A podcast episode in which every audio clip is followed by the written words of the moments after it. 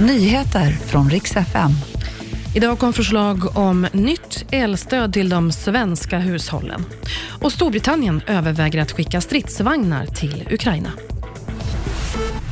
Hushållen ska få ett nytt elstöd, sa näringsminister Ebba Busch på en pressträff idag.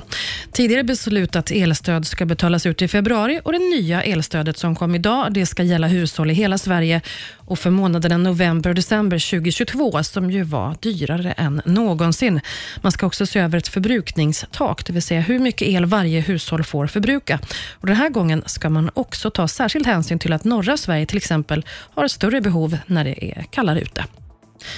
Storbritannien överväger att skicka stridsvagnar till Ukraina, där skriver Sky News. Storbritannien blir i så fall första land i väst att ta ett sådant beslut.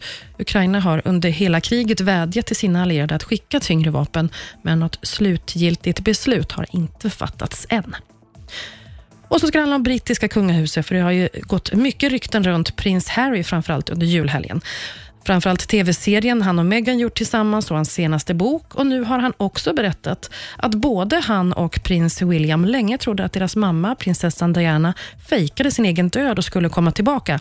Han sagt i en intervju i 60 minutes.